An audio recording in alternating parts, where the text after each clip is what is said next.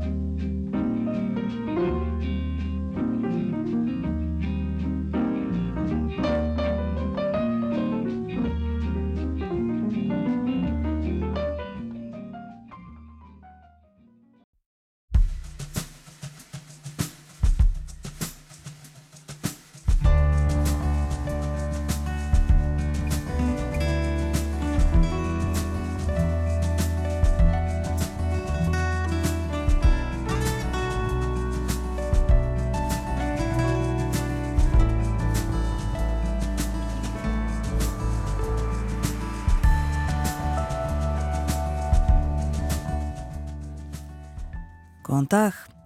Morgunvaktin helsar mánudaginn 16. oktober. Umsjón með þættinum í dag hafa Björn Þór Sjöbjörnsson og Þórun Elisabeth Bóadóttir. Meðal þess sem eru á dagskráni eru íslensku og pólsk stjórnmál. Já, stólaskipti Bjarnar Bendiktssonar og Þórdísar Kolbrunar Gilvadóttur verða til umfjöllunar. Súr ástöfum kom sumum á óvart en öðrum ekki. Við förum yfir atbyrðarásina og metum pólitíska ástandið með Eiriki Bergmann stjórnmálafræðingi. Hann verður hér í þættinum upp úr hálf átta. Eftir morgunfréttir förum við í kostningarnar í Pólandi í gær og veltum fyrir okkur stöðunni í stjórnmálunum þar út frá þeim upplýsingum sem fyrir liggja. Það bendur jú ímislegt til þess að stjórnin hafi fallið. Með okkur verða fréttamennir Björn Malmqvist og Margret Adamsdóttir. Við kvílum svo pólitík í síðasta hluta þáttarins og fjöllum þá um sinneb, sinnebsgerð og smáframleiðslu matvæla almennt. Ísla margt fólk framleiðir hér matvæli í smáum stíl og selur í veslanir og í þeim hópi er Svafa Hrönn Guðmundsdóttir, hún framleiðir sinneb og hún er líka formaður samtaka smáframleiðenda matvæla. Svafa verður hjá okkur upp úr hálf nýju og segir okkur frá sprótum í matvæla framleiðslu. Lítum til veðurs. Það er norðulega átt á landinu í dag, 5-13 metrar á sekundu, dálítil jél á norðanverður landinu, engum við ströndina, en minkandi úrkoma síðdeis. Hægur vindur siðra og víða, víða þurrt. Hittin frá frostmarki og að áttastegum í dag, mildast siðst á landinu. Á morgun þriðjudag og meira og minna út vikuna er gert ráð fyrir ákveðinni suðaustanátt með regningu, engum sunnan og vestanlands og sérstaklega fyrirpart vikunar en það verður vætusamara siðst á landinu setni hlutavikunar, þetta segir í hugleðingum veðufræðings á Veðustofu Íslands. Lengst af verður þurft fyrir norðan og fremur lít í veðri næstu dag. Viðstofan sendi frá sér frétt á förstu daginn sem við segjum hér frá fyrir fólk sem misti af fyrirsögnin líkur hafa aukist á að nýr kvikugangur myndist undir faradalsfjalli. Þannig er að merkjum landris á Reykjaneskaga mældust fljótlega eftir að eldgósinu við Littlar húll laug í byrjun ágúst í sumar. Og þetta landris er á söpðum slóðum og það var fyrir gósið 10. júli sem að stóði í fjórar vikur. Og uh, nýjustu GPS-mælingar gefa nú vísbendingar um hröðun, afsakið, um hröðun á landrisinu. Og svo segir líkunar á því að nýr kvikugangur myndist undir faradalsfjalli hafa aukist og gæti það gerst á næstu vikum eða mánuðum. Það myndi valda skjáltavirkni þegar kvika brítu sér leiði gegnum stökka hluta járskorpunar og það gæti enda með eldgósi. Þá að ástandi á vegum landsins, vetrar færðum allt land, segir vegagerðin og tiltekur hálku og ástand almennt á helstu vegum. Það er til dæmis hálka eða hálku blettir öllu heldur á Holtavörðu heiði. En flug hált á Hálfdán, það er snjóþekja á Steingrímsferðarheiði og á Þröskuldum og krapi norður í Árnesrepp, hálka eða hálku blettir á öðrum fjallvögum á vestfjörðum. Og það eru hálku blettir víða á útvegum á Norðurlandi en krapi á Hóaskarði Eh, annars hálka eða hálkublettir á flestum fjallvegum á norð-austurlandi og uh, það er ófært á öksi fyrir austan, einnig á breyðdalsheiði og mjóafjörðarheiði en hálkublettir eru á fjörðarheiði Fagradal og á Jökuldal sem og á Vaskarði eistra. Við höfum ekki neinar upplýsingar um, um uh, ástand vega á söð-austurlandi nýja söðurlandi. Þetta er það sem er komið í hús. Við lítum í blöðin, Erlend hér eftir smá stund en uh, skoðum fyrst fórsíðu morgunblaðsins og það er fyrirsögnin innrás vofir yfir gasa. Linnu litlar loft árásir á víkstöð, á víkstöð var Hamas og uh, ætlun Ísæl er að fella alla leiðtóa Hamas, segir hér. Og harnandi skærur við Hesbóla í Líbanum og bandaríkin vara Írans stjórn við. En uh, Írans stjórnjú uh, talin hafa aðstóðað Hamas við uh, árásætnir á Ísæl fyrir rúmri viku. Og myndir fylgja þessari frétt og svo er áframhaldandi umfjöllun inni í blaðinu og þar á leiðar á opnunni fréttaskýring eftir Andris Magnússon Brennir Depill Gýðingahatur vellur fram á Vesturlundum, segir hér. Og uh, ámóta kom fram í frétt hjá okkur í ríkisútarpinu í gær. Nú, svo segir hér að skýðabrekkan í Breitholti, hún verður ónótæf til sumarsins 2025.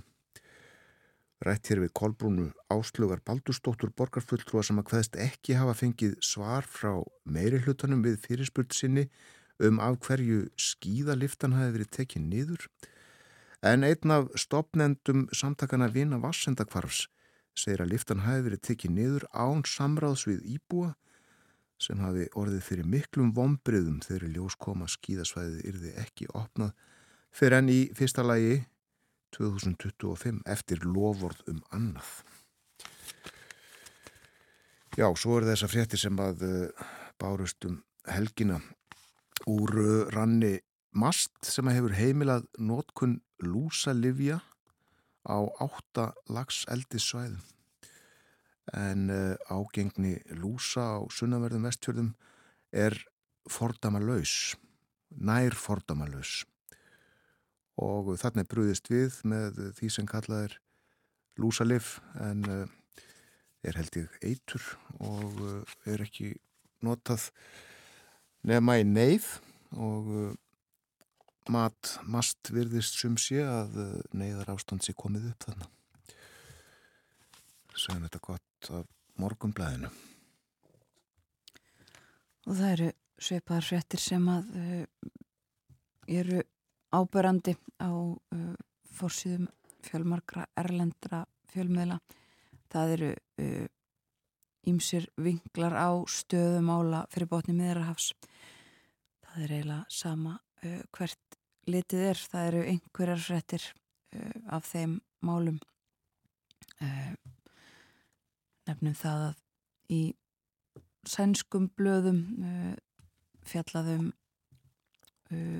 tilraunir til þess að koma sænskum ríkisborgurum frá bæði Ísrael og Palestínu og uh, sumulegðis um, fjallað við uh, Dani í, á þessu sveiði í uh, öðrum fjölmjölum um, í danskum en annars fjallaðum útlendingamál á fórsýðun og politíkan í Danmörku. Það er rætt við danskan livjafræðing og ástralskan smið sem að vilja vinna í Danmörku, egnast börn í Danmörku, búa í Danmörku. En uh, geta ekki gert það uh, stjórnvöld segast að hafa gert uh, mistök í, segir hér í fyrirsögninni varðandi þeirra mál en enga síður þá þarf þetta bara að fara frá Danmörku ef að þau vilja búa saman útlendinga mál mikið til umfyllunar í dönskum, dönsku samfélagi. Á fórsíðun og informasjón í Danmörku aftur á móti talað um uh, stöðumála á Gaza og það að, að uh, erfiðleikar fólks þar fari vaksandi, að staðan fari versnandi uh, og uh, þetta er þemað í fjölmörgum blöðum Eh, á mörgum fórsýðum líka fjallaðum þetta í bandariskum fjölmjölum og þar er talað um það að það séu um, mik gangi mikið á bak við tjöldin um, við það að, að reyna að halda aftur af Ísraelska hernum og Ísraelskum stjórnvöldum á gasasvæðinu og því að um, veita fólki almennum borgurum aðstóð og gera það sem hægt er til að koma í veg fyrir að illa fari Um, það hefur uh, gengið erfilega. Uh, nú hefur verið greint frá því líka að Antoni Blinken, auðaríkisráð þeirra bandaríkjana, um, hann er áfram ílengist þarna á þessu svæði, ætlar að funda í dag og hefur verið að gera það. Það var greint frá því snemma í morgun á Reuters sem að gerði það að, að það væri búið að koma á einhvers konar uh, takmörkuðu vopnallíi við suðurluta gasa uh, það er því hægt að opna uh, landamærin frá Gaza og yfir til Egiptalands að minnstakosti til þess að koma þangað inn neyðaraðstóð og hleypa einhverjum út, sérstaklega fólki sem er með tvöfaldan ríkisborgararétt er, er ríkisborgarar einhverjar annara landa. En svo hefur það uh, ekki fengist staðfest og uh, nú rétt áðan að þá hefur verið rætt við um, hátsetta menninan Ísraelska hersin sem segja að það sé ekki tæft í þessu, það hef ekki verið komið á neinu vopnallíi en um, enga síður, já og Benjamin Netanyahu fórsetir sá þegar hans skrifstofa líka sagt að það sé ekkert vopnallið sem að komið hefur verið á. Um, en sem sagt vonir um að um, þessi samtöl uh, sem að bandarísk stjórnvöld eiga meðal annars í uh, við Egipta og fleiri uh, muni verða til þess að það verði hægt að uh, opna opna einhver uh, eitthvað aðeins á þessi landamæri. Egiptar hafa ekki viljað uh, opna landamærin til þess að taka við öllu því fólki sem að vil uh, komast burt. En uh, við fylgjumst áfram með þessu eftir því sem líður á daginn. Og þetta segja já að þessar frettir séu svona mest áberandi á, á forsýðum út í heimi.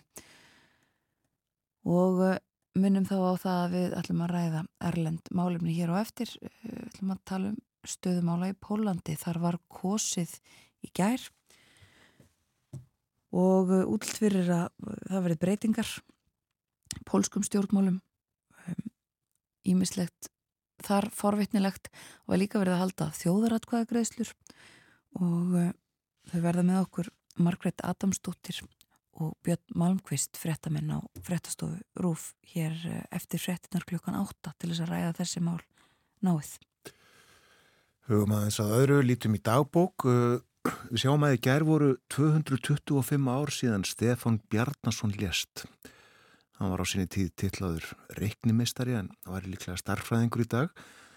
Hann fættist 1721 á Istugrund í Skagafyrði. Fóreldrar hans voru Björn Skúlason prestur og Haldóra Stefansdóttir. Og Stefan namn við hólaskóla og uh, lærði Guðfræði í Hafnarskóla.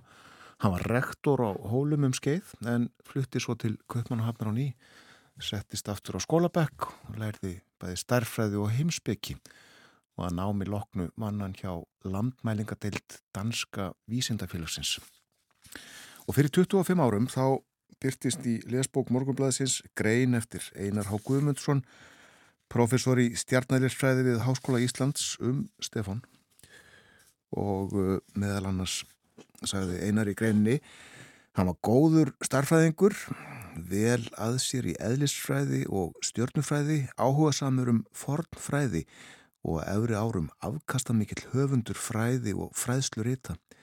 Stefan var tvímalust sá maður íslenskur sem lærðastur var í starfræðilegum lærdómslistum á átjóndu öld. Þrátt fyrir góðar gáfur átti hann samt erfitt uppdráttar og mun þar hafa skipt mestu að hann var með afbyrðum óþjáll og einrætt í skapi. Hafði það veruleg áhrif á lífans og var meðal annars til þess að hann yfirgaf Ísland rúmlega þrítur og setti staði í Kaupanahöfn. Hann virðist þó á allt hafa haldið einhverju sambandi við landa sína og greinar hans í rétum lærdómslistafélagsins byrja vottum einlægan áhuga á því að uppfræða þá í anda upplýsingarinnar. Og svo saði, já, eins og áður saði verður Stefán að teljast fremsti starffræðingur og eðlisfræðingur Íslendinga á átjóndu öld. Í henni þunnskipuðu fylkingu íslenskra starffræðinga, stjórnufræðinga og eðlisfræðinga fyrir alda hefur hann okkar sérstuðu vegna þess hversu mikið liggur eftir hann í rítuðu máli. Hann er höfundur fjögur að prentaðra háskólafyrirlestra á latínu um heimsbyggi og stjórnufræði auk prentaðrar bókar á latinu um starfræðilega eiginleika ferhyrninga. En uh, það verk, Introductio in Tetragonometriam og er frá 1780, uh, það er höfuritt Stefáns og uh, jáfnframt fyrsta prentaða bókin um æðri starfræði eftir íslenskan höfund og það sama ár sendið hann einnig að sá um fyrstu fræðilegu útgáfuna á rýmbeglu henni fornur ytgerðum tímatal og stjarnvísi. Hann skrifaði líka formála og ítalegar skýringar. Nú árið 1793 þá hlaut Stefán Gullverlun Hafnarskóla í starfræði.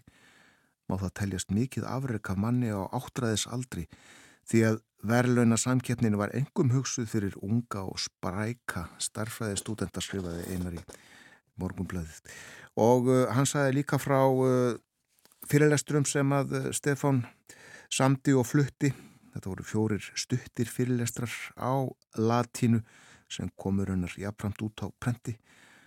Þeir þeirra fjallaða fjölluðu um heimspekkileg áltamál og uh, í öðrum þeirra færði hann meðal annars rauk fyrir vitsmuna lífi á öðrum nöttum og uh, hann skrifaði líka um halastjörnur um þingdar áhrif halastjörna á sólina og aðra netti sólkerfisins og hugsanleg sjáarfalla áhrif af völdum halastjörna og önnur skildefni. En uh, í áður nefndu riti sem á Ísland, íslensku nefnist ingangur að ferhyrningafræði, í því eru lögð drög að svo kallaðri ferhyrningafræði. Uh, það er starffræðileg umfjöllun um rúmfræðilega og hornfræðilega eiginleika fyrirninga. Þetta er mikið verk, eh, 450 síður í áttungsbroti með teikningum og ber það dugnaði höfundar glögt vitni. Og uh, grein Einars uh, líkur á frásögna því að Stefán Björnsson var ókvæntur og barnlaus. Hann bjó síðustu árin í Kaupanahöfnu hlautalokum hinstu kvíldi þrenningar kirkugarði og í dansk biografísk leksikon hefur hinn þekkti danski starfræðingur Pól Hagard þessi orðum Stefán og verkans Björnsson var yðin vísindamadur og bera verkans með sér þróunina á hans dögum þegar frumspekileg og stjörnuspekileg viðhorf viku fyrir hreinum runnsægis viðhorfum. Þetta var um Stefán Bjarnarsson, Bjarnarsson sem ímist var kallaður Bjarnarsson eða Björnsson starfræðingur reiknumistari merkileg rítans Tölu þá aðeins um fótbolta en uh, fótboltalandsliðið, karlalandsliðið leikur á Leodalsvelli í gær í uh, undankjöfni Evrópumótsin sem framfer næsta sumar í Þýskalandi. Og uh, anstæðingurinn Líktenstæna þessu sinni það gekk ekki nógu vel gegn Luxemburg á förstudag flestir uh, vonuðust allavega eftir síru og byggust við honum jafnvel en uh, niðurstaðan jafntefni 1-1 en í kvöld er það sem sé Líktenstæn liðin áttust við ytra fyrra árinu og uh, þá gerði Ísland sjömörk gegn engu. Og uh, komu þar jú þá sjö af þeim 11 mörgum sem að liðið hefur skorað í þessari undakefni en liðið er með tvo sigra og eitt jafntefni uh, hefur verið brekka eins og sagt er þessi undankefni en uh, gekk eins og það er vel í handbóltanum hjá uh, kvennalandsliðinu. Það lagði færiðar að velli ytra í gær og hefur fullt hús stiga held þó aðeins tveir leikið séu að baki. En sérfræðingarnir segja að horfur séu góðar á að Ísland komist í Evrópukeppnina, úrslita keppni Evrópukeppninar.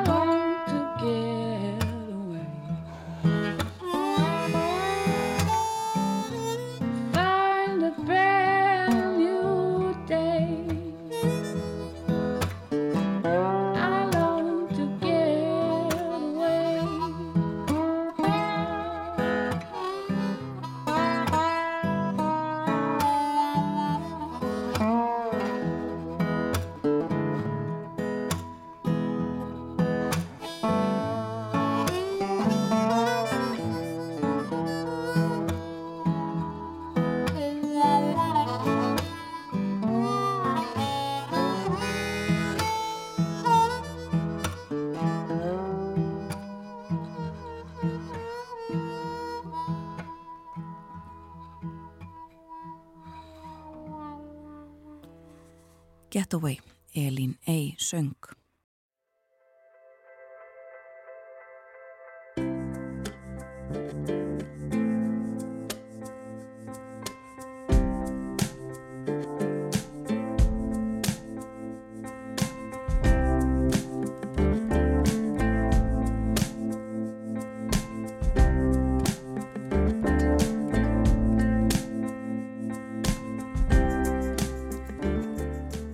Dag, þetta er morgunvaktin á Rás 1, klukkan núna réttliðilega halv átta, það er mánudagur í dag komin 16. oktober, umsjónamenn þáttarins Björn Þór Sigbjörnsson og Þórun Elisabeth Bóðadóttir. Og ímislegt framöndan hjá okkur ég minni á að eftir morgun frettir klukkan átta ætlum við að fjalla um kostningarnar sem framfóru í Pólandi í gær, en uh, útlit er fyrir að uh, ríkistjórnin hafi fallið. Með okkur verða Björn Malmqvist, fréttamaður í Brussel og Margret Adamsdóttir, fréttamaður hér á Íslandi.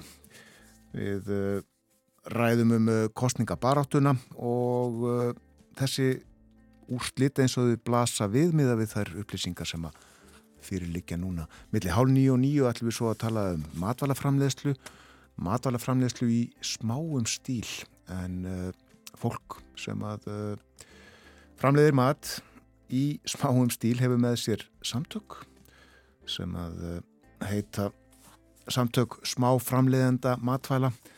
Formaður þar er Svafa Hrönn Guðmundsdóttir, hún framleiðir Sinnepp. Verður hjá okkur eins og áður saði klukkan hálf nýju. En nú að íslenskum stjórnmálum. Leðtóa ríkistjórnaflokkana þryggja heldur blagamannafund á lögadag þar sem að þau tilkynntu þar sem að einhverjir þóttust vita strax í síðustu viku þegar að Bjarni Benediktsson tilkynnti að hann færi úr stóli fjármála og efnahagsróþara vegna álits umbósmanns alþingis. Nefnilega það að Bjarni eh, hegðist hafa stólaskipti við Þórtísi Kolbrúnu Reykjörð Gilvadóttur utaríkisróþara. Og já, það var tilkynnt á lögadag. eh, Degi fyrir höfðu stjórnarflokkarnir eh, komið saman á fundi á Þingvöllum. Við ætlum að tala um uh, þessar vendingar og stöðuna í íslenskum stjórnmálum og með okkur er Eirikur Bergmann, professor við Háskólan á Befröst. Góðan dag, Eirikur. Já, góðan daginn. Fór þarna aðeins yfir þetta, uh, hvernig þetta uh, atvikaðist í síðustu viku. Eftir þetta, eftir, eftir þessi málalók, getum við sagt að, að Bjarni Benediktsson hafi sagt af sér á þeirra ennbætti axlað ábyrð þegar þetta var niðurstaðan?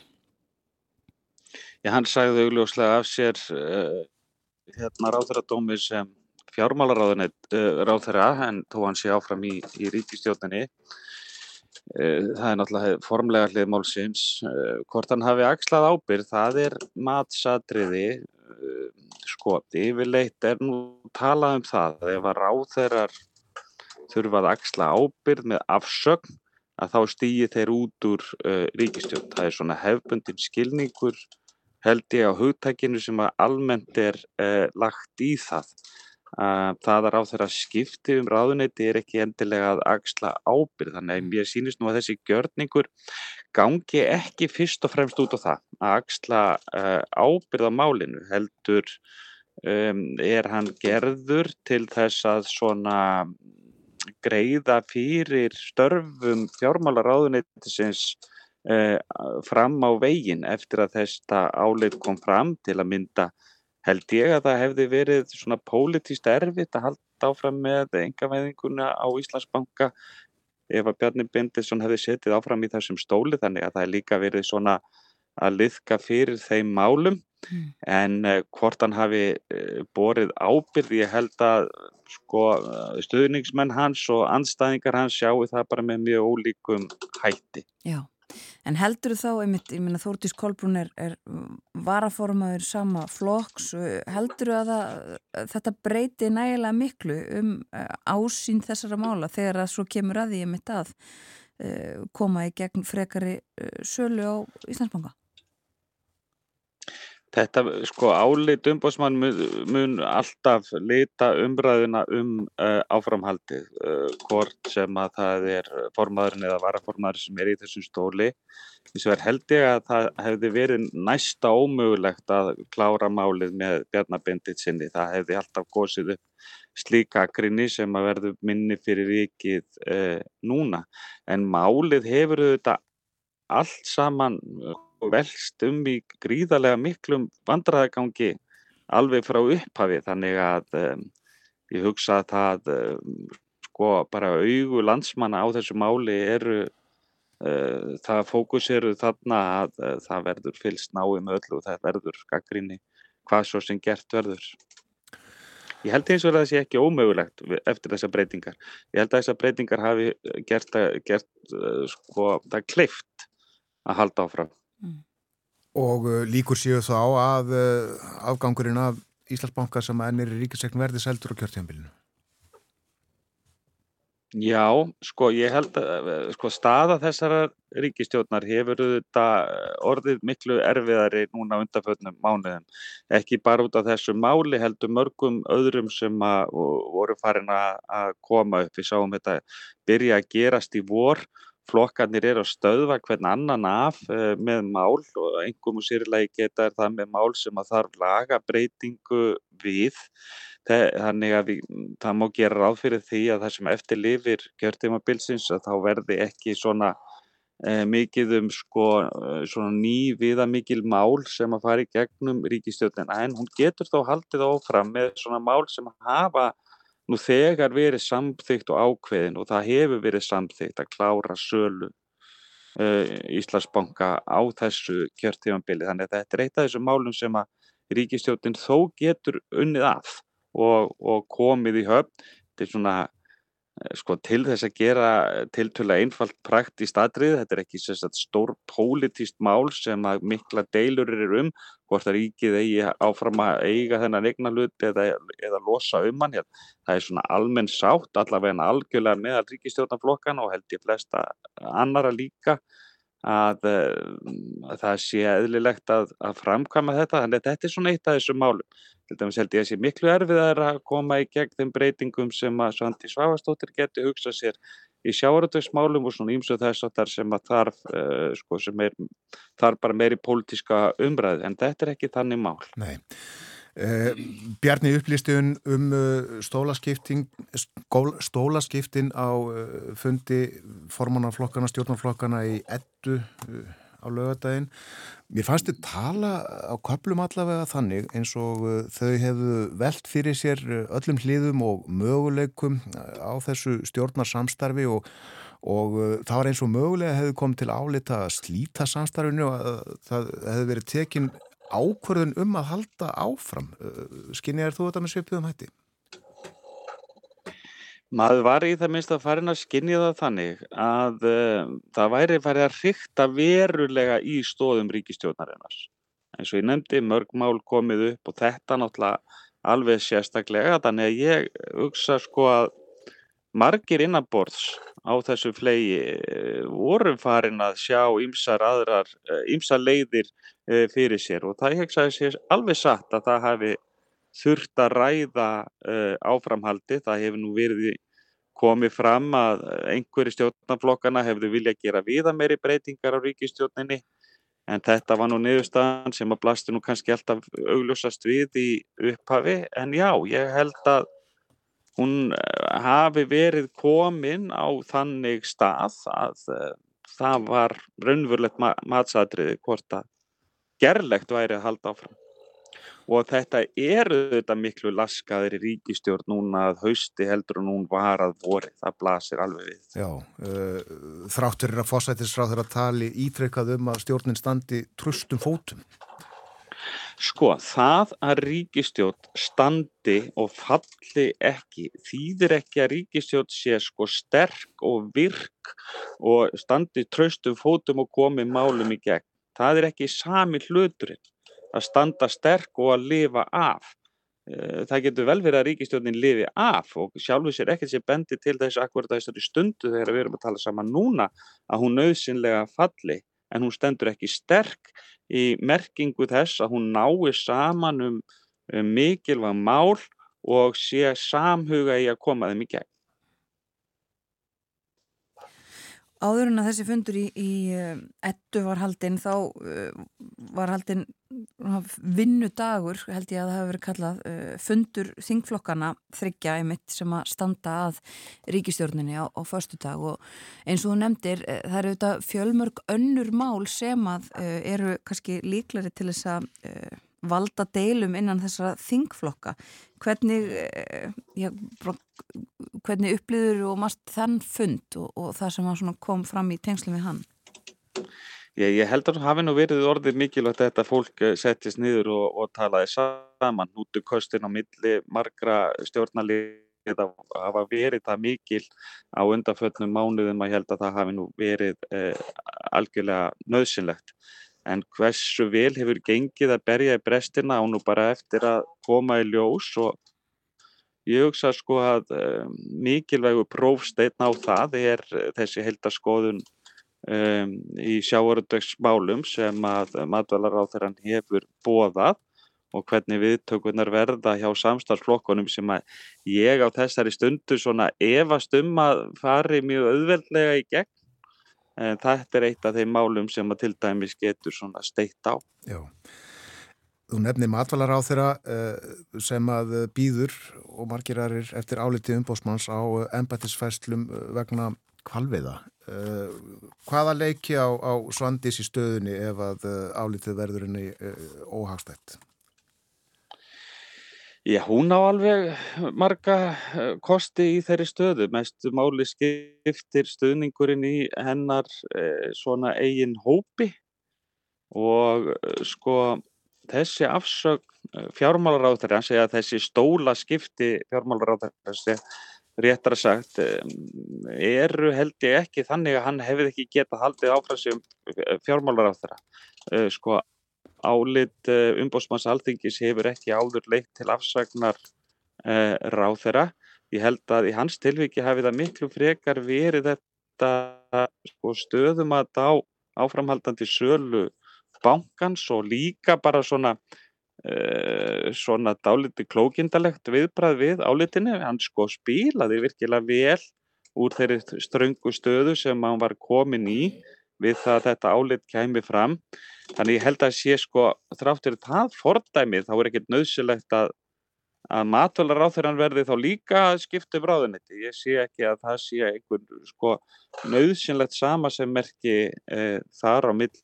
En auðvitað er það alltaf vond fyrir ráþura að stjórnsýsla þeirra e, hans sé sko metin e, illtæk. Það eru alltaf virkilega vond og það vikir alltaf ráð þeirra að fá slík álit. Mm. En þess ber þó að geta sko að ráð þeirra eru hafa í gegnum söguna verið dæmdir hægri vinstri af hérna, stjórnsýslu stofnunum á Íslandi og mér er sé af hæstarétti sko á þess að, á þess að hérna, segja af sér. Já. Þeir velja þetta svolítið sjálfur. Hvernig, Já, þeir hvernig er gera tólka? það. Já. Og ég held að Bjarni hafi séð þarna bara dálítið öflugan svona hendugan kost fyrir sig í stöðunni. Já, Já uh, sjávarútvegsmál eru eitt, um, annað eru málefni hælisleitund og flótamanna, það verður mitt uh, opinfundur um þau máli velferðanemnd á eftir. Já. Þar eru nú líka uh, ekki allir sammála og ganga ekki allir í takt í, í ríkistjórnaflokkunum um þau mál. Nei, nei, þetta hefur verið málaflokkur sem hefur verið sko, sko gríðalegur ástendingasteinn á, á, á milli eh, flokkana. Eh, sjálfstæðismenn hafa talað fyrir miklu harðari aðgerðum í málefnum eh, útlendinga, Mm. sérstaklega hælisleitenda, heldur en að vinstri grænir hafa viljað eh, fylgja. En manni virðist nú að, að svona stefna sjálfstæðisflokksins hafi þarna orðið eh, of, ofan á svona allavega að, að, uh, að mestu leiti en þarna er mikill núningsflutur og þetta er svona tilfinningamál en getur verið mjög erfitt. Þetta, sko, þessi mál hverfast oft um tiltekna einstaklinga sem að fólk getur haft samú með eða anduð á eftir, eftir aðtökum þannig að það er svona ívast upp ýmsar, ýmsar tilfinningar. Já, og uh, sko málefni innflytjenda hafa reynst uh, ráþurum oft uh, erfið á Íslandi. akkurat. Um, sko, Eiríkur, förum aðeins aftur í sjálfstæðisflokkin. Uh, sko, Bjarni er formaður og er það ekki held í november eða allavega auktum hann á næstunni þar sem að hann uh, hefur verið formaður lengur en Davíð Oddsson eins og það var orðað í, í, í, á blagamannafundunum á lögadag en sko vendingarnar þessar og sko afleðingarnar fyrir sjálfstæðarflokkin er Bjarni með þessu að gera ég þórti þessi kolbrúnu svona að arftaka sínum eða er hann að gera nýju óleik með því að setja hana í þetta embætti á svona eh, erfiðum tímum? Hvernig metur þú svona þetta sem svona innanflokksmál í sjálfstæðarflokk Já, mér, svona utan frá séð, þá virðist nú eins og hún sé nú svo gott sem grínd sem artæki uh, Bjarna uh, í flokknum. Hún er varaformaðurinn, þegar hann þarf að stíga til hliðar þá tekur hún uh, sæti hans sem fjármálar á þeirra. Þannig að staða hennar er orðin svo að vera hinn augljósi arftæki. Það er engin annar arftæki sem er augljósari í sjálfstæðisflokknu þó að aðrir komi til greina vissulega. Áslögu Arna hefur stundum verið nefnd í þessu samhengi og við stundum hafa máta sig við það. Nú Guðlaugur Þór þetta skoraði formannin á, á Hólm seinast og hugsanlega vill hann endur taka uh, leikinn stígi Bjarni uh, út af uh, sviðinu svona á næstunni en eiga síður að þá uh, sko, eru þessi stólaskipti til þess fallin að, að uh, styrkja Þórdísi Kolbrúnu verulega í sessi sem næsta artaka sjálfstæðisflokksins, það blasir við öllu. Sjáum hvernig það allt sem að þeir segjum þetta gott af uh, þessum málum, íslenskum stjórnmálum, uh, okkur langar hér í lokin að fara með þig uh, að botni niðararhafs eða, eða tala um Tildegi mál í eh, tengslu við þá uh, skelvingar atbyrði sem að uh, þar eru í gangi núna frétt hjá okkur hjá Ríkisútvarpinu í gær með fyrirsögninni Gýðingar hér á landi upplifa óöryggi og haturs orðræðu og í morgunblæðinu í grein eftir Andris Magnússon segir í fyrirsögn Gýðingahatur vellur fram á Vesturlundum. Hvert er þitt mat á þessu efni svona út frá því sem að, að þú hefur kynntir? Já, nú ætla ég alls ekki gera lítið úr upplifum fólks, get, ég meina ég varst ekki um að fólk upplifi eh, hlutina uh, svona og sér greina uh, rétt frá því. Hins vegar held ég að við þurfum að gæta okkur á því að blanda ekki saman anduð í garð uh, þjóðar og gaggrinni á ríki. Þessu hefur stundum verið svona að blanda saman og ein skilgreining á geðinga anduð er bókstaflega svo að færð sér fram gaggrinni á Ísraelsríki og það þetta gengur ekki upp í svona hefbundum skilningi þannig að gaggrinni á Ísraelsríki og framferði, framferði þess eh, gagvart Palestínu eh, hún hefur eh, vissulega verið til staðar og, og aukist. Og samkvæmt einhverju skilgreiningu stofnana í Ísraels felur það í sig geðingandu en það er ekki raunverulega geðingandu allar rannsóknir sem gerðar hafa verið á uh, sko raunverulegri anduð í garð einstakra þjóðfélagsópa sína það að á Vesturlöndum er andstaðan langt mest í garð múslima. eh, ekki í garð annara trúarhópa með nánda nærri sama hætti. Það er engin hópur sem að verður fyrir annari eins anduð á Vesturlöndum eins og múslimar. Sko, fjölmargar ítalega rannsóknir í, sko, í fjölmiðla umræðu, samfélagsmiðla umræðu og svo framvegis bara sína þetta kristaltært. Gyðingar andúð er sannarlega til hún er til staðar en hún er ekki sko gegnum gangandi í okkar þjóðfélögum í dag þó að vissulega eimi af henni. Þakkaði fyrir að vera með okkur í dag. Hún er hins vegar til staðar sko stundar í austur Evrópu, til dæmis í Ungverjalandi, þar sem hún blandar saman í gaggrinni á Soros og svona, þannig hún er vissulega uh, til og ég vil ekki gera lítið úr, úr, úr því, en í samanbörðinum að þá eru það múslimannir sem að anduðin beinist, miklu meira að. Það er að. Aftur, þakkaði fyrir að vera með okkur í dag, Eirikur Bergmann. Takk sem leiðis. Þetta var um uh, stjórnmál, uh, einhverjum íslensk stjórnmál og, kannski í tengslu við þessi stólaskipti og þá má nefna það að ég held að uh, Bjarni Bendiktsson sé sjötti formáður sjálfstæðisflokksins sem að hefur bæði gengt embættum fósætisráþara og utarrikisráþara, það gerðu líka Geir Horti, Davíð Oddsson og Geir Hallgrímsson, Bjarni Bendiktsson og uh, Ólafur Tórs sem að fór með auðverkisráðu neytið uh, samhliða uh, því að vera fósættisráþurra og Jón Þorláksson sem að var fósættisráþurra sín tíma, hann fór líka með auðverkismál landsins en þá var ekki til held ég sérstakt auðverkisráðu neyti Jóhann Hafstein og Þorstein Pálsson eru undan tekningarnar frá þessu. Nú aðeins að þingstörfunum sem að uh, stuttlega voru nefnt hér áðan uh, þingfundur klukkan þrjú í dag uh, fyrst óundibúin fyrirspurnatími. Svo fer fram umræða, sérstök umræða sem að tilstóð að láta fara fram fyrir helgi en var frestað um þolmörk ferðaþjónustunar og þar er Björn Levi Gunnarsson málsæfjandi og menningar og viðskiptar á þeirra til andsvara en nefndir þingsins funda fyrirpartin þingfundurinn hefst klukkan þrjú og uh, nefnum við að uh, það verður opinn fundur í velferðanemnd.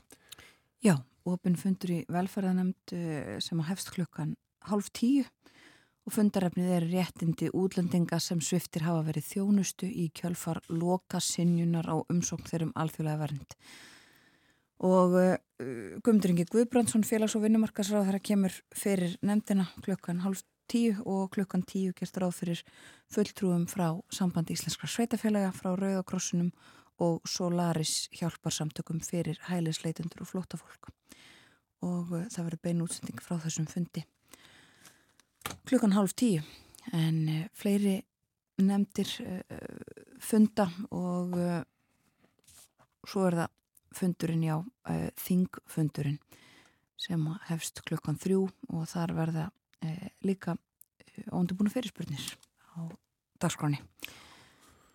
Stuttlega verðinu í dag, það verður norðalag áttu ríkjandi, vindræðin 5-13 metrar, dáli til jél á norðanverðurlandinu, engum við ströndina, en uh, drefur úr úrkomi eftir því sem líður á daginn.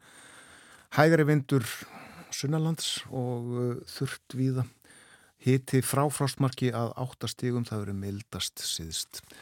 Þetta eru horfurnar fyrir daginn í dag. Á morgun og svo meira og minna útvikuna er gert ráð fyrir ákveðinni suðaustanátt með rigningu engum sunnan og vestanlands en uh, þetta verður þó aðalega og uh, kröftugra fyrirpartvikunar en uh, vætu samari verður síðst setni hluta vikunar. Lengst að þurft fyrir norðan fremur hlýtt í veðri. En hálka víða á vegum, við fórum ítalega yfir skeitin frá vegagerðinni hér áðan. Það var tiltekinn til dæmis hálka á Holtaverði heiði og tölvert víðar og heiðar og fjallvegir á Östurlandi nokkur lokaðir. Það líður að fréttum koma á slæginu 8 eftir 6 mínútur fyrst auglýsingar og eftir fréttinar þá fjöldum við um stjórnmálun í Pólandi. Pólverjar gengu að kjörborðinu í gerð.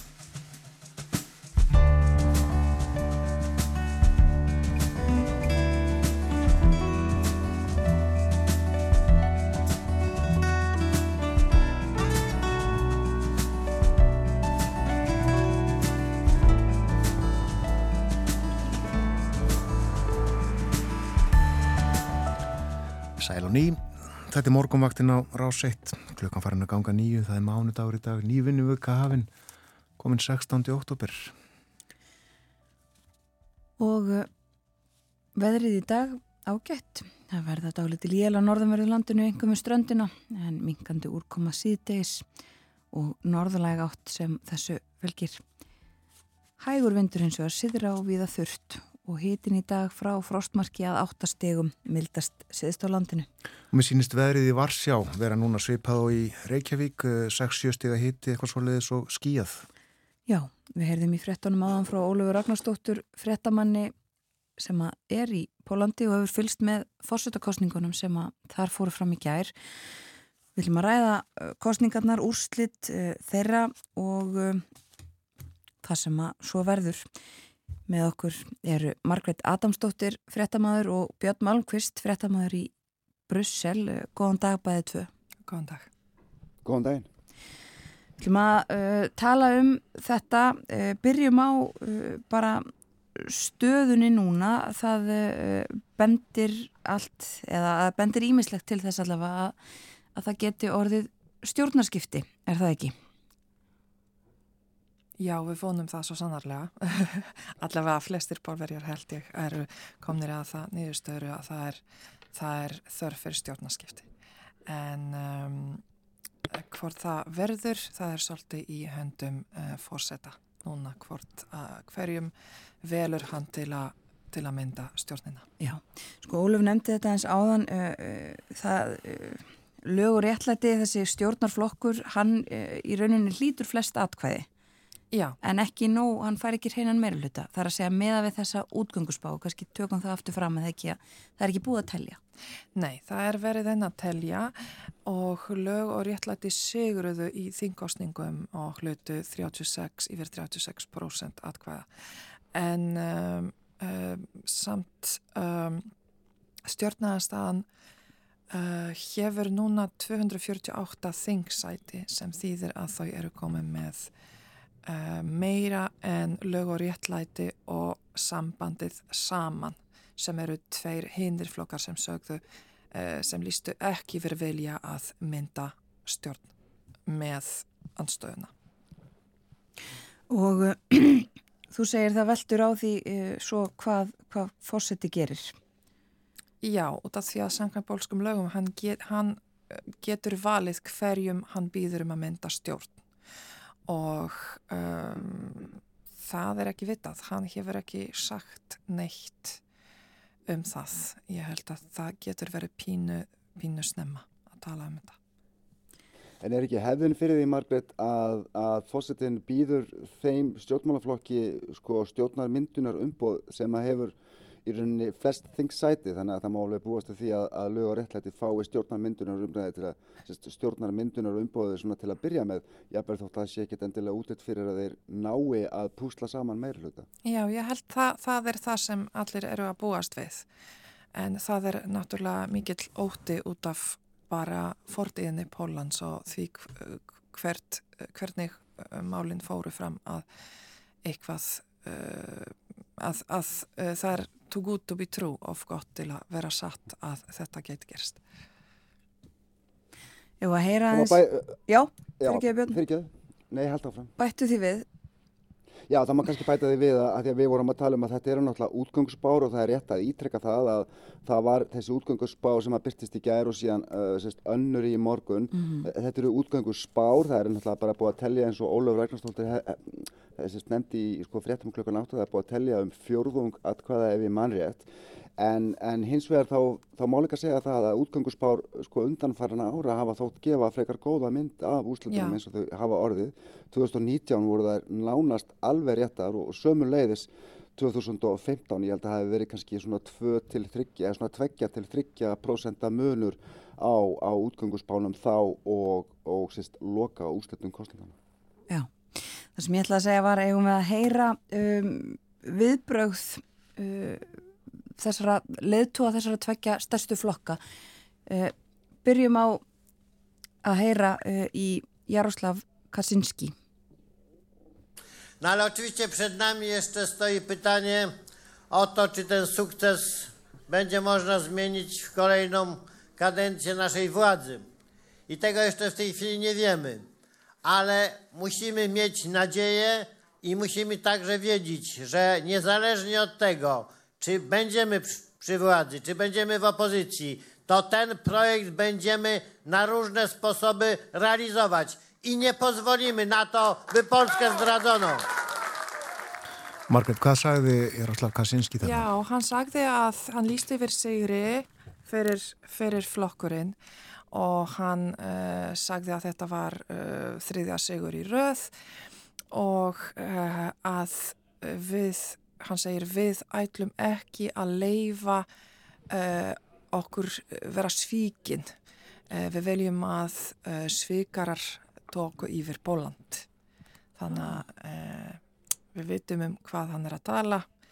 Björn Málkvist er búin að fjalla um þetta í heimskviðum um að mitt þessi flokkur er ofta að segja á byggir uh, sína uh, sitt prógram á því að á sjálfstæði Pólans og að, uh, að rétti Pólans þess að um, einlega ákveða framtíðina sína ekki út frá ESB eða frá Rúslandi en, en að standa uh, bara sjálf landið stendur sjálft og getur ákveðum sjálft sig.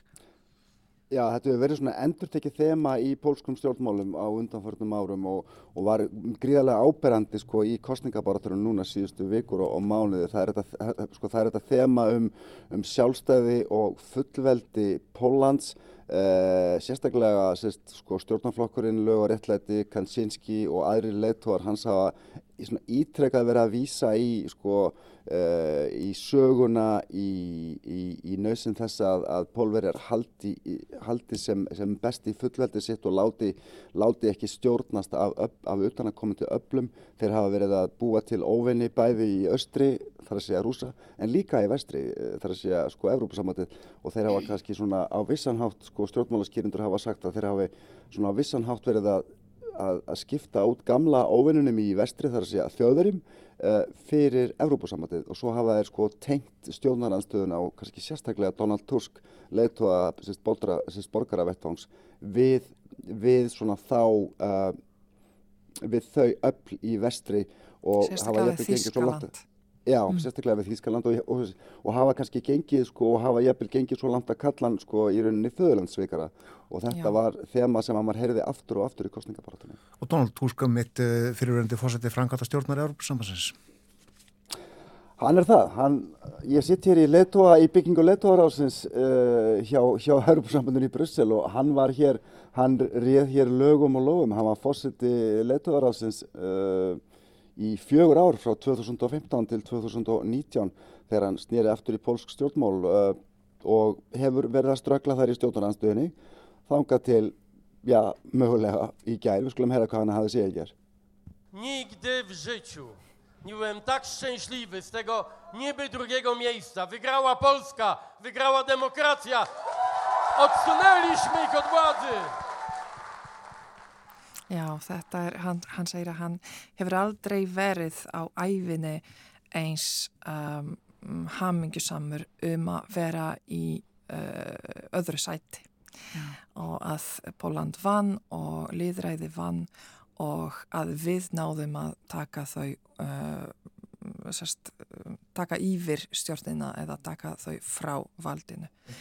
og, og uh, já, til að uh, halda áfram um, í því sem, sem uh, Björn var að segja er að það er eins og um, lög og réttlæti hafa haldið þetta á móti Donald Tusk að vera leitt og í uh, Evrópurásins eins og síndu ekki stolt af því að hafa okkar leitt og að þar þetta móti.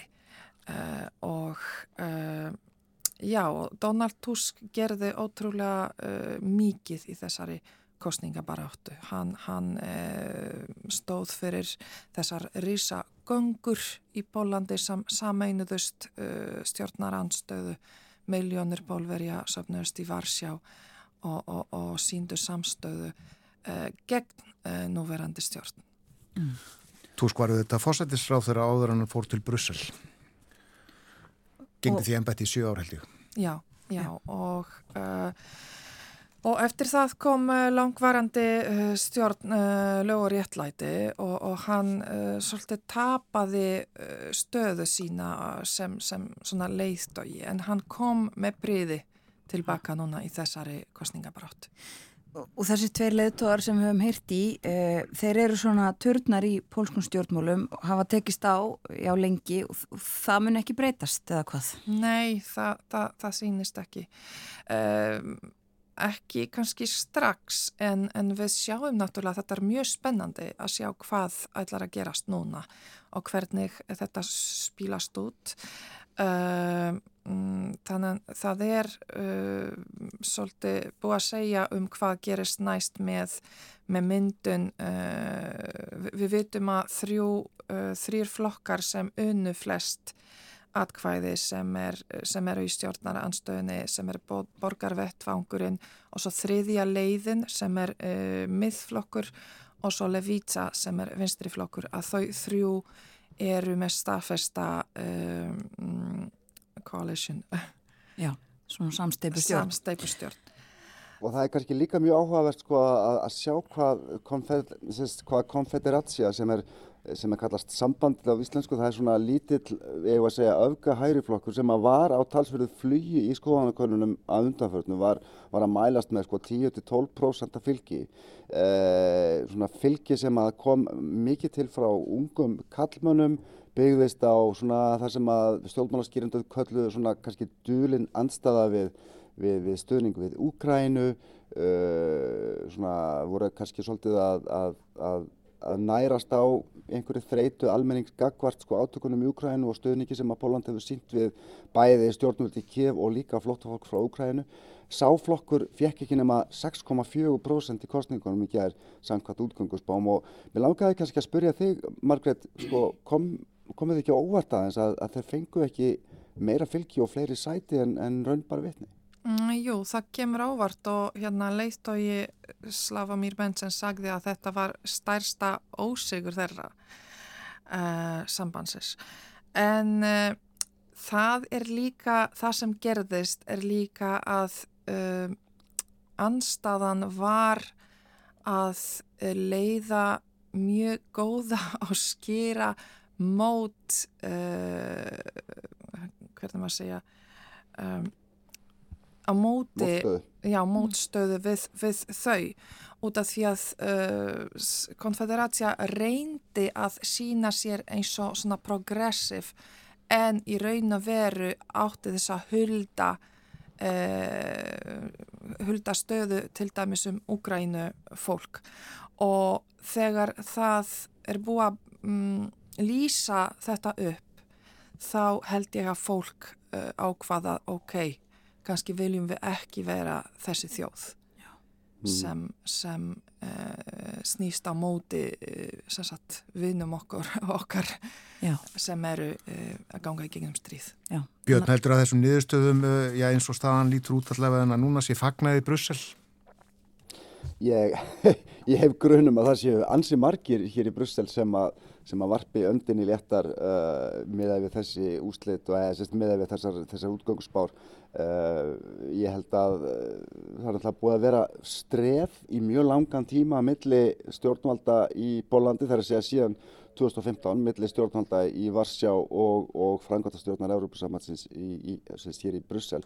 Uh, aðalega út af sko, breytingum sem að lög og réttlæti uh, réðst í uh, í rauninni bara mjög snemma eftir valdarskiptum 2015 þar að segja breytingar sem eru gerð, sem gerðu á dómskerfinu.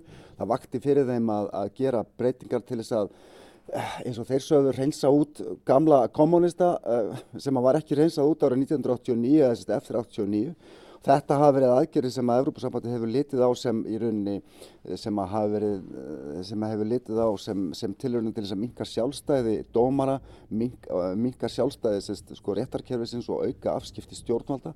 Þessi mál og þessar deilur hafa farið allarleið fyrir Evrópu dómstólum sem að dæmdi reyndar Frankvartastjórnin hér í Brussel í vil fyrir einhverjum tveimur árum og, og, og dæmdi svo dagsektir á pólsk stjórnvald sko, sem að eru komnar í sko, samtals 550 miljónir evra Og þessar deilur hafa líka leitt til þess að Póland hefur ekki fengið borgaðar út sko, þessa endurbyggingarstyrki eftir heimsvaraldurinn upp á miljarda evra sem að, sem að önnur aðeldaríki hafa, hafa fengið. Tusk, uh, Donald Tusk, eða sérst, þar sé að leitu í borgaravettfans, hann hefur ítrekka sagt og sagði ítrekkað í kostningabaratunni að, að samskiptin við Brussel verði bætt.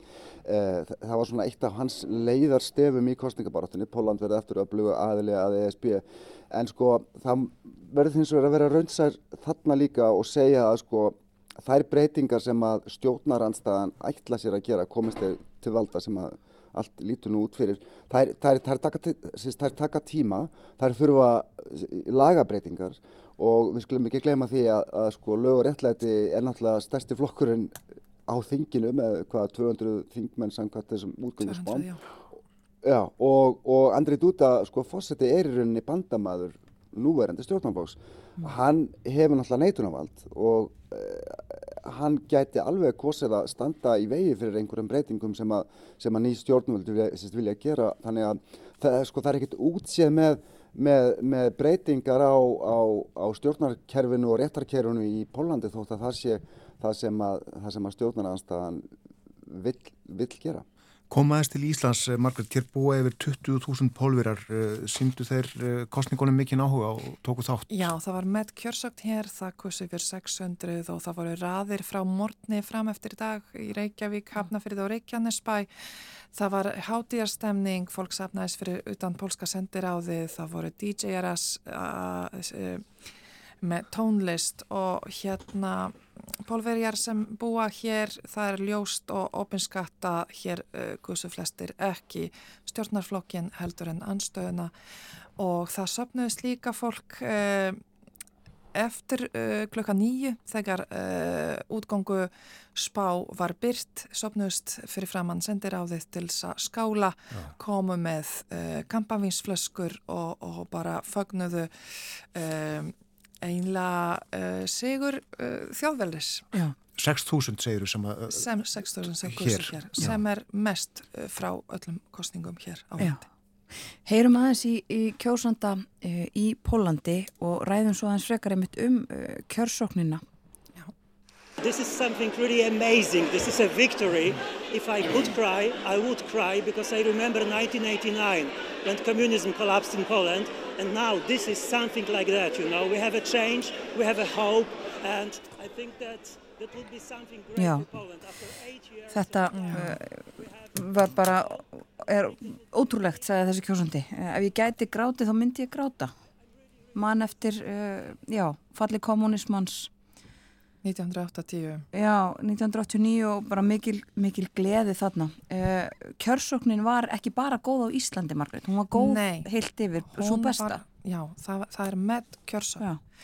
Hún var svo besta og það er magnað að það er verið að segja að einlega konur og ungt fólk uh, unnu þessar kostningar.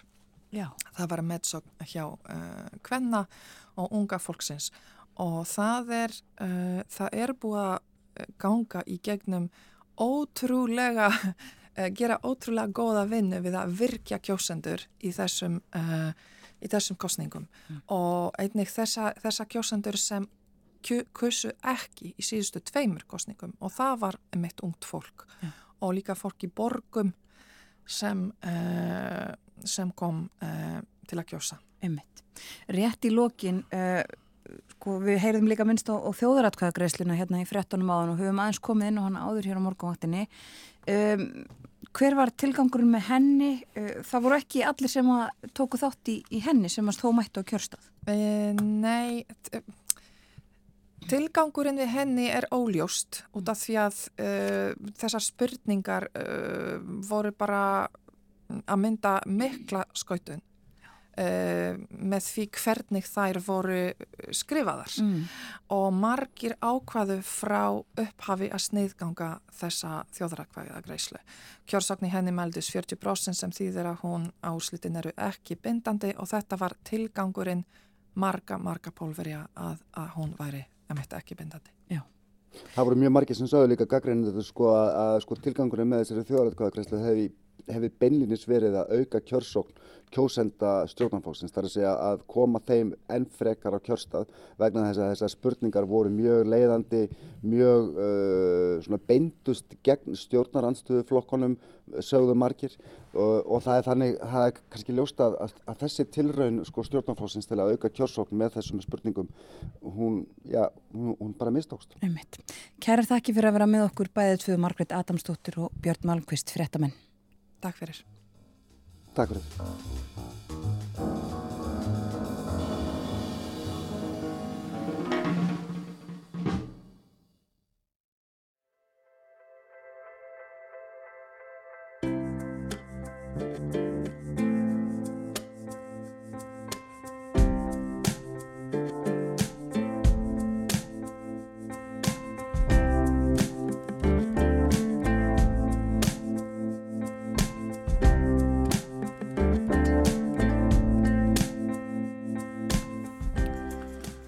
Ný, þetta er morgunvaktin á Ráseitt, klukkan réttliðlega hálf nýjum, það er mánudagur í dag.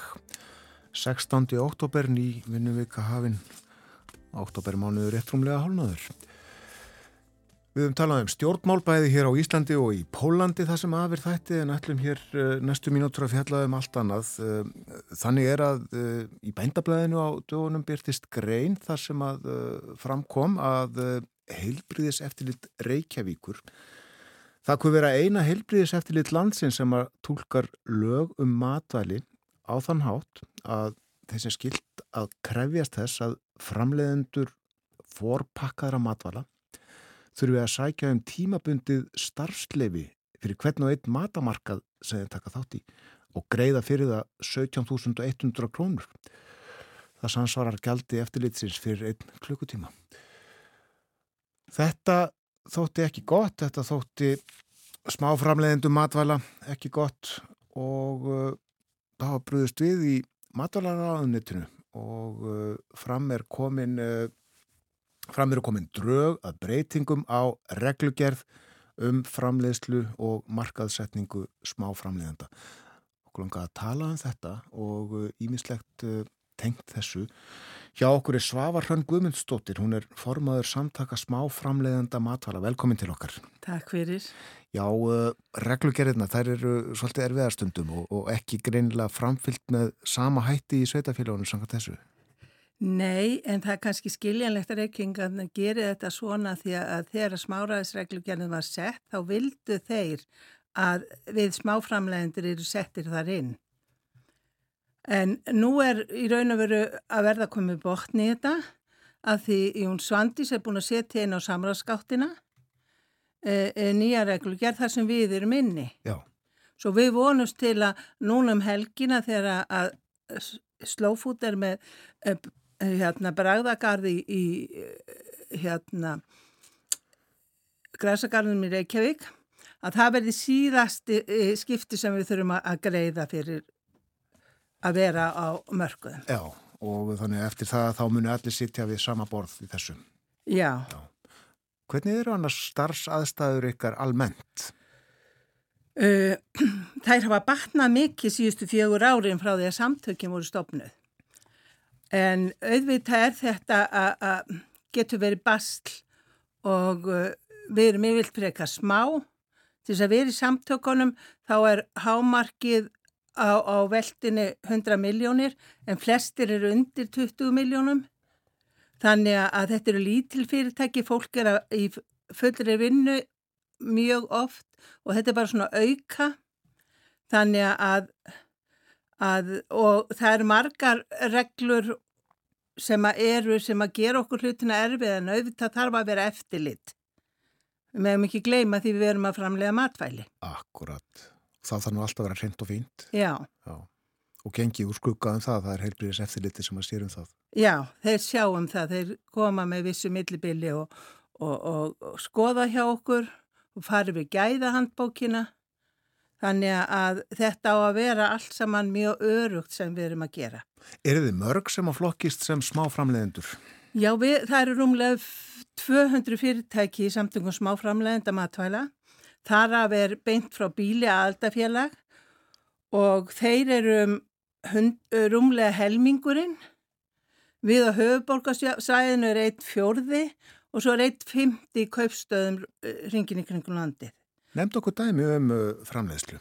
Ég er náttúrulega framleiðið sinneb og það er alls konar sultur, það er súkulaði, það er uh, beint frá bíli, er mjög mikið kjöt, það er pesto og allt mögult og grænmeti, þannig að, og unnið úr þara, krydd og, og allt mögulegt, alls konar salt sem að ímislegt er blanda saman við, þannig að þetta er mjög fjölbreytt. Já, greinlegt.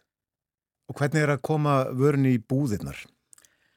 Uh, það getur verið snúið en það hefur breyst mikið núna síðustu fjögur árin. Við vorum stopnuð, uh, já, ef við, ef við, segja, við eigum fimm, fjagra ára ammæli 15. november, samtök smáframlita matvæla.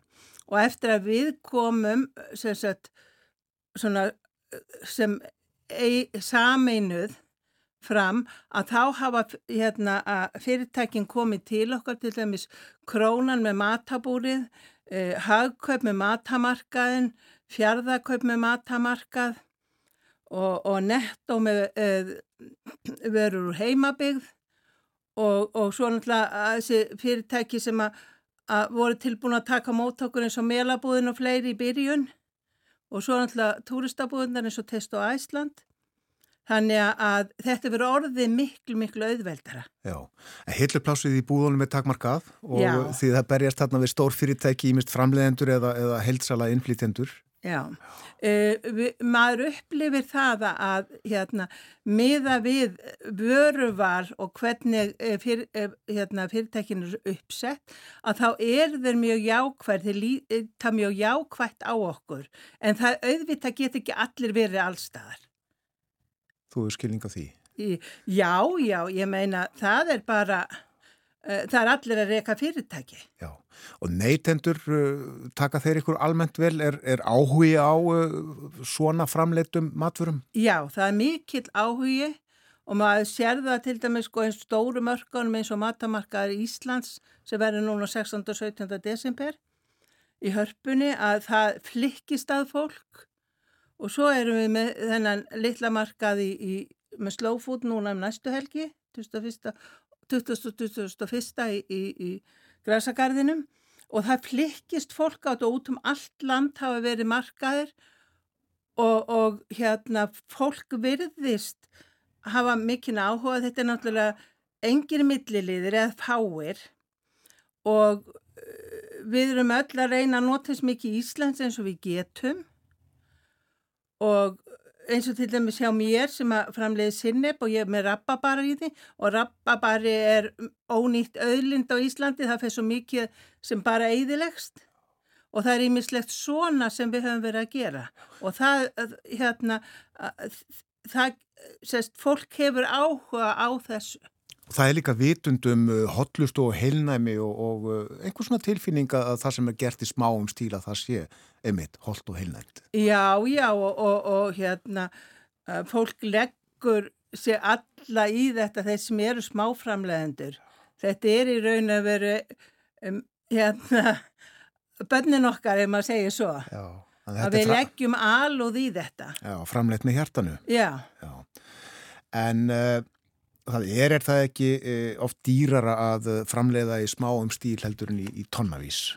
Jú, auðvitað er það og, og hérna það mér sínist og ég hef upplifað það að fólk borga frekar aðeins meira og, þá veit það að fær vöru sem að er vanda til og það er lítið ekkert af aukaefnum.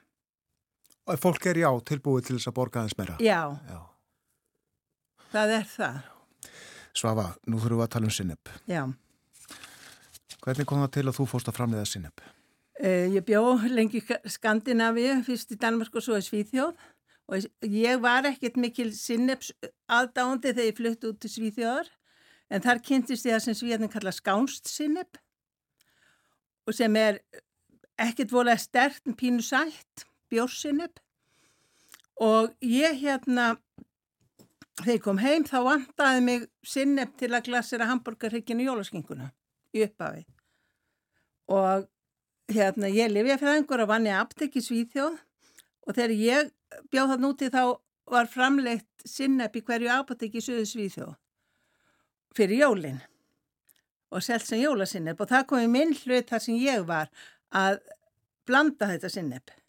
Svo ég kunn, kunni það. En ég er ekki með þá uppskrift, ég er með mína eigin uppskrift. Og síðan hefur þetta þróast. Í raun og veru, ég byrjaði að framleiða þetta 86 og svo fór ég að svona selja alveg 2014. Merkilegt fyrirkomla í Svíþjóði á að uh, sinnebið er gert í átekunum. E, sinnepi krydd og hér áður fyrir þá voru svona krydd tengd apotekinu og, og í gamla daga notaði fólk sinnepsbakstra á sál, uh, sérst á, á ég, ég veit ekki alveg hvað en það var sérst notað hérna áður fyrr. Getur þú með þína mentun liðafræðingurinn votta það að, að, að það er lækningamáttur í, í sinnebsfræðinu? Nei. en eflaust hefur það einhver áhrif. Mm. Sinneb er, er uh, ræktað mikið eða sinnebsfrægin í Nepal, ég. Já, þeir eru rækt út um allt, Fraklandi, eh, Kanada, svo í Svíþjóð. Ég kaupi mitt sinneb frá Svíþjóð, frá staðista sinnebsframlegenda Svíþjóðar. Og því miður hef ég ekki haft íslenskt sinnesfræ. Það er vissum, vissir annmarkar á framlega hérna. Í Svíþjóð þá setja niður mjög snemma, snemmi mæi eða april og ske, uppskeran er ekki fyrir í, í september. Já, þannig að skilirinn er ekki alveg nægilega góð Eh, hér. Þau geta í góðu sumri þá segja menn að menn geti það. En það er sko, þetta er svona í slíðri eins og bönir og fyrst er þetta grænt og, og það er sagt spurningin hvert að nær frá því að ve- vera grænt yfir í eh, eh, svart, brúnt eða gullt eftir hvað tegund út að rækta. Já. Er þetta mikil kunst að framlega sinneb? Nei, sjálfur sér ekki ef maður veit hvað maður er að gera og hvað maður ætlar að fá út úr því. Þú þarfst að vita það, já. Já. já, já. En hérna, náttúrulega sem livjafræðingur þá lærir maður að, blanda og ég var svo heppin að þegar ég var úlingur að þá lærði ég að baka. Allan jólabasturinn heim hjá mér þegar ég var í, úlingadeld og gagfræðaskóla og að mentaskóla. Þannig að það hjálpa mér líka. Býr það því? Já.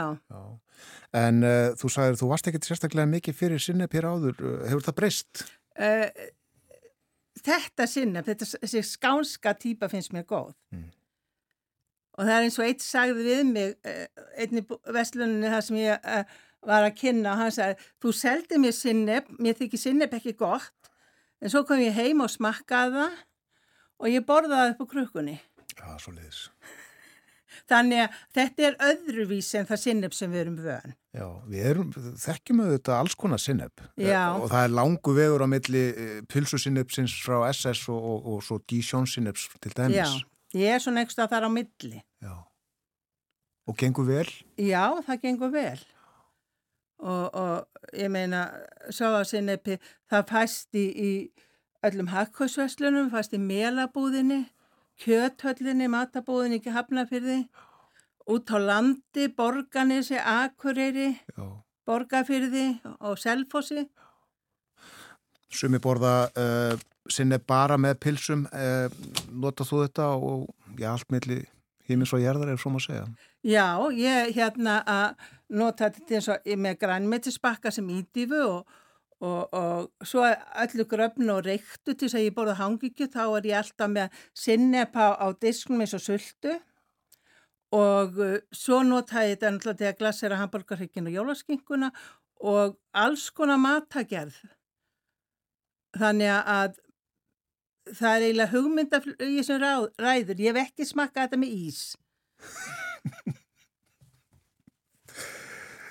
Nei, ekki heldur. Nei. Og fáir, trú ég. Já, ég hef kannski eftir að, gera tilhör með það. Já. Svafa sinneb heiti varan. Já. Ertu köllu svafa sinneb? E, já, ég vissum, Þessum hópum. já. Og ég, þegar ég ringi og er að ringi út á sinnepinu, þá kynni ég mér stundu svo þannig. Já, Því þá veit fólk hvaða svafa þetta er. akkurat. Nú, nú, uh, það er von til þess að uh, starfsaðstæðunar uh, batni enn frekar uh, ef að uh, matalaráþvara þær þessa reglugerð uh, í gegn sem að kostar einhverja breytingar. Það er að kynna sér þetta í samráðskátt stjórnvalda. Mm. Þakkaði fyrir að vera hjá okkur hér að morgunni mándags og tala svolítið um sinneb en líka smáframliðslu matvæla almennt. Svavarhang Guðmustóttir, eh, Sinnepp skerðakona og formaður samtaka smáframleðanda matala. Svava Sinnepp.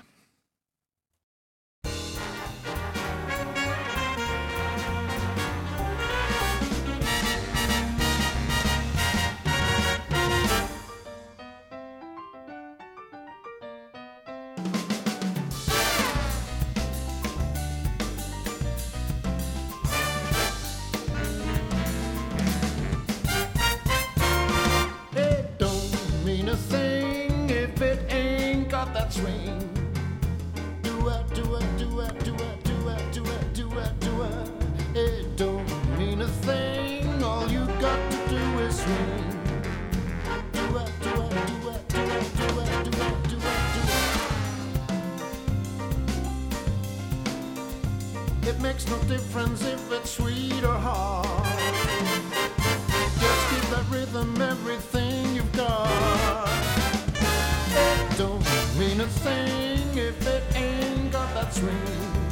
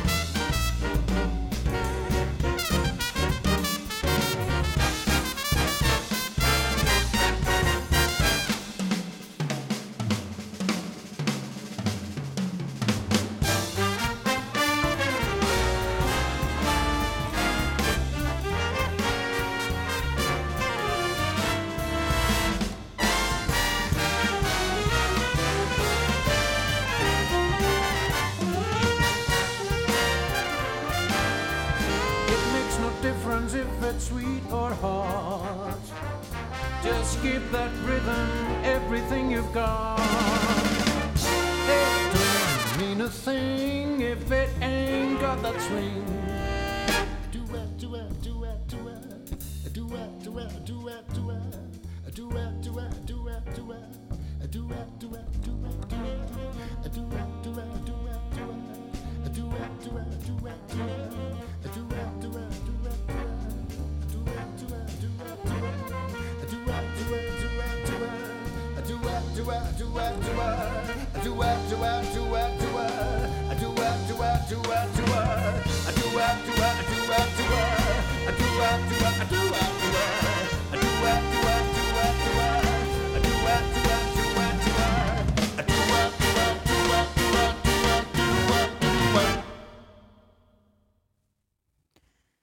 It don't mean a thing if it ain't got that swing heitir þetta lag.